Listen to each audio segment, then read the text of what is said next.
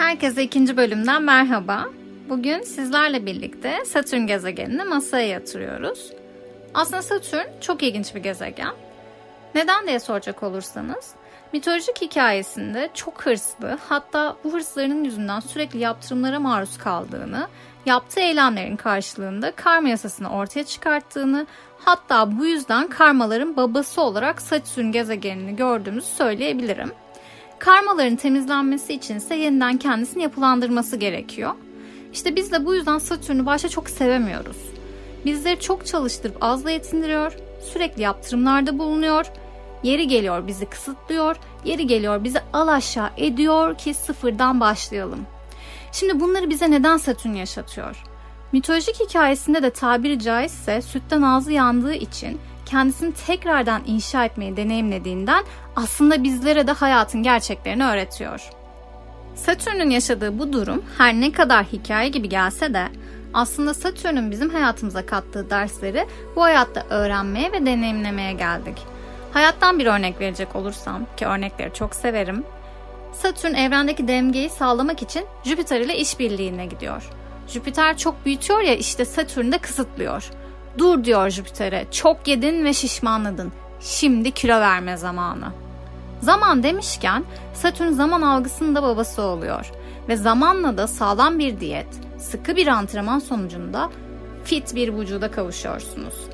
Böylelikle bizi çok çalıştırıp tekrar tekrar hayatta dik durmamıza yardımcı olan Satürn bizi bol bol sınavlardan geçirecek Evet sınavları çok kişi hatta hiç kimse sevmiyordur. Düşünsenize sizi sürekli sorguya çeken bir polis var ve Satürn kötü polis rolünde olsa da aslında bizim iyiliğimize hizmet ediyor diyebiliriz. Özetle doğru söyleyen Satürn'ümüzü köyden kovmadan önce onu anlamaya çalışmak hayatımızı kolaylaştıracaktır. Ve evren öyle eşsiz yaratılmış ki dengede kalmak hayatımızın kurtarıcısı olmuş.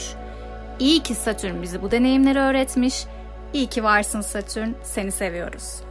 Peki Satürn hayatımızda bu kadar etkiliyken şu anda neler yapıyor ve nerede seyahat ediyor? 2023 yılı Mart ayı itibariyle Satürn gezegeni balık burcunu deneyimliyor.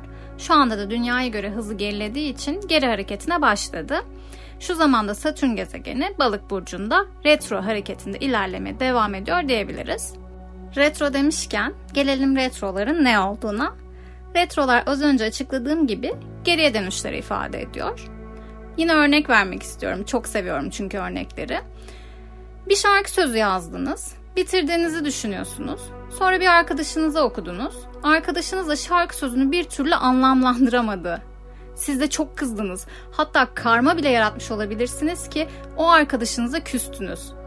Halbuki arkadaşınız sizin göremediğiniz eksikliği anlamlandıramayarak size büyük bir iyilikte bulundu.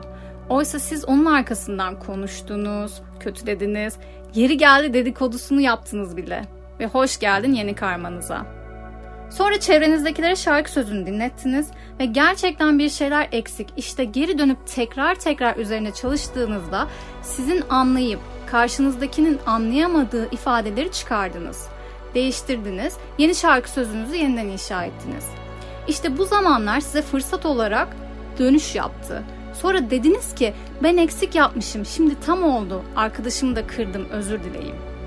Bu yüzden retro zamanları göremediğimiz, eksik kalan, hata yaptığımız hayatla ilgili her bir alan için bize fırsat kapıları aralar.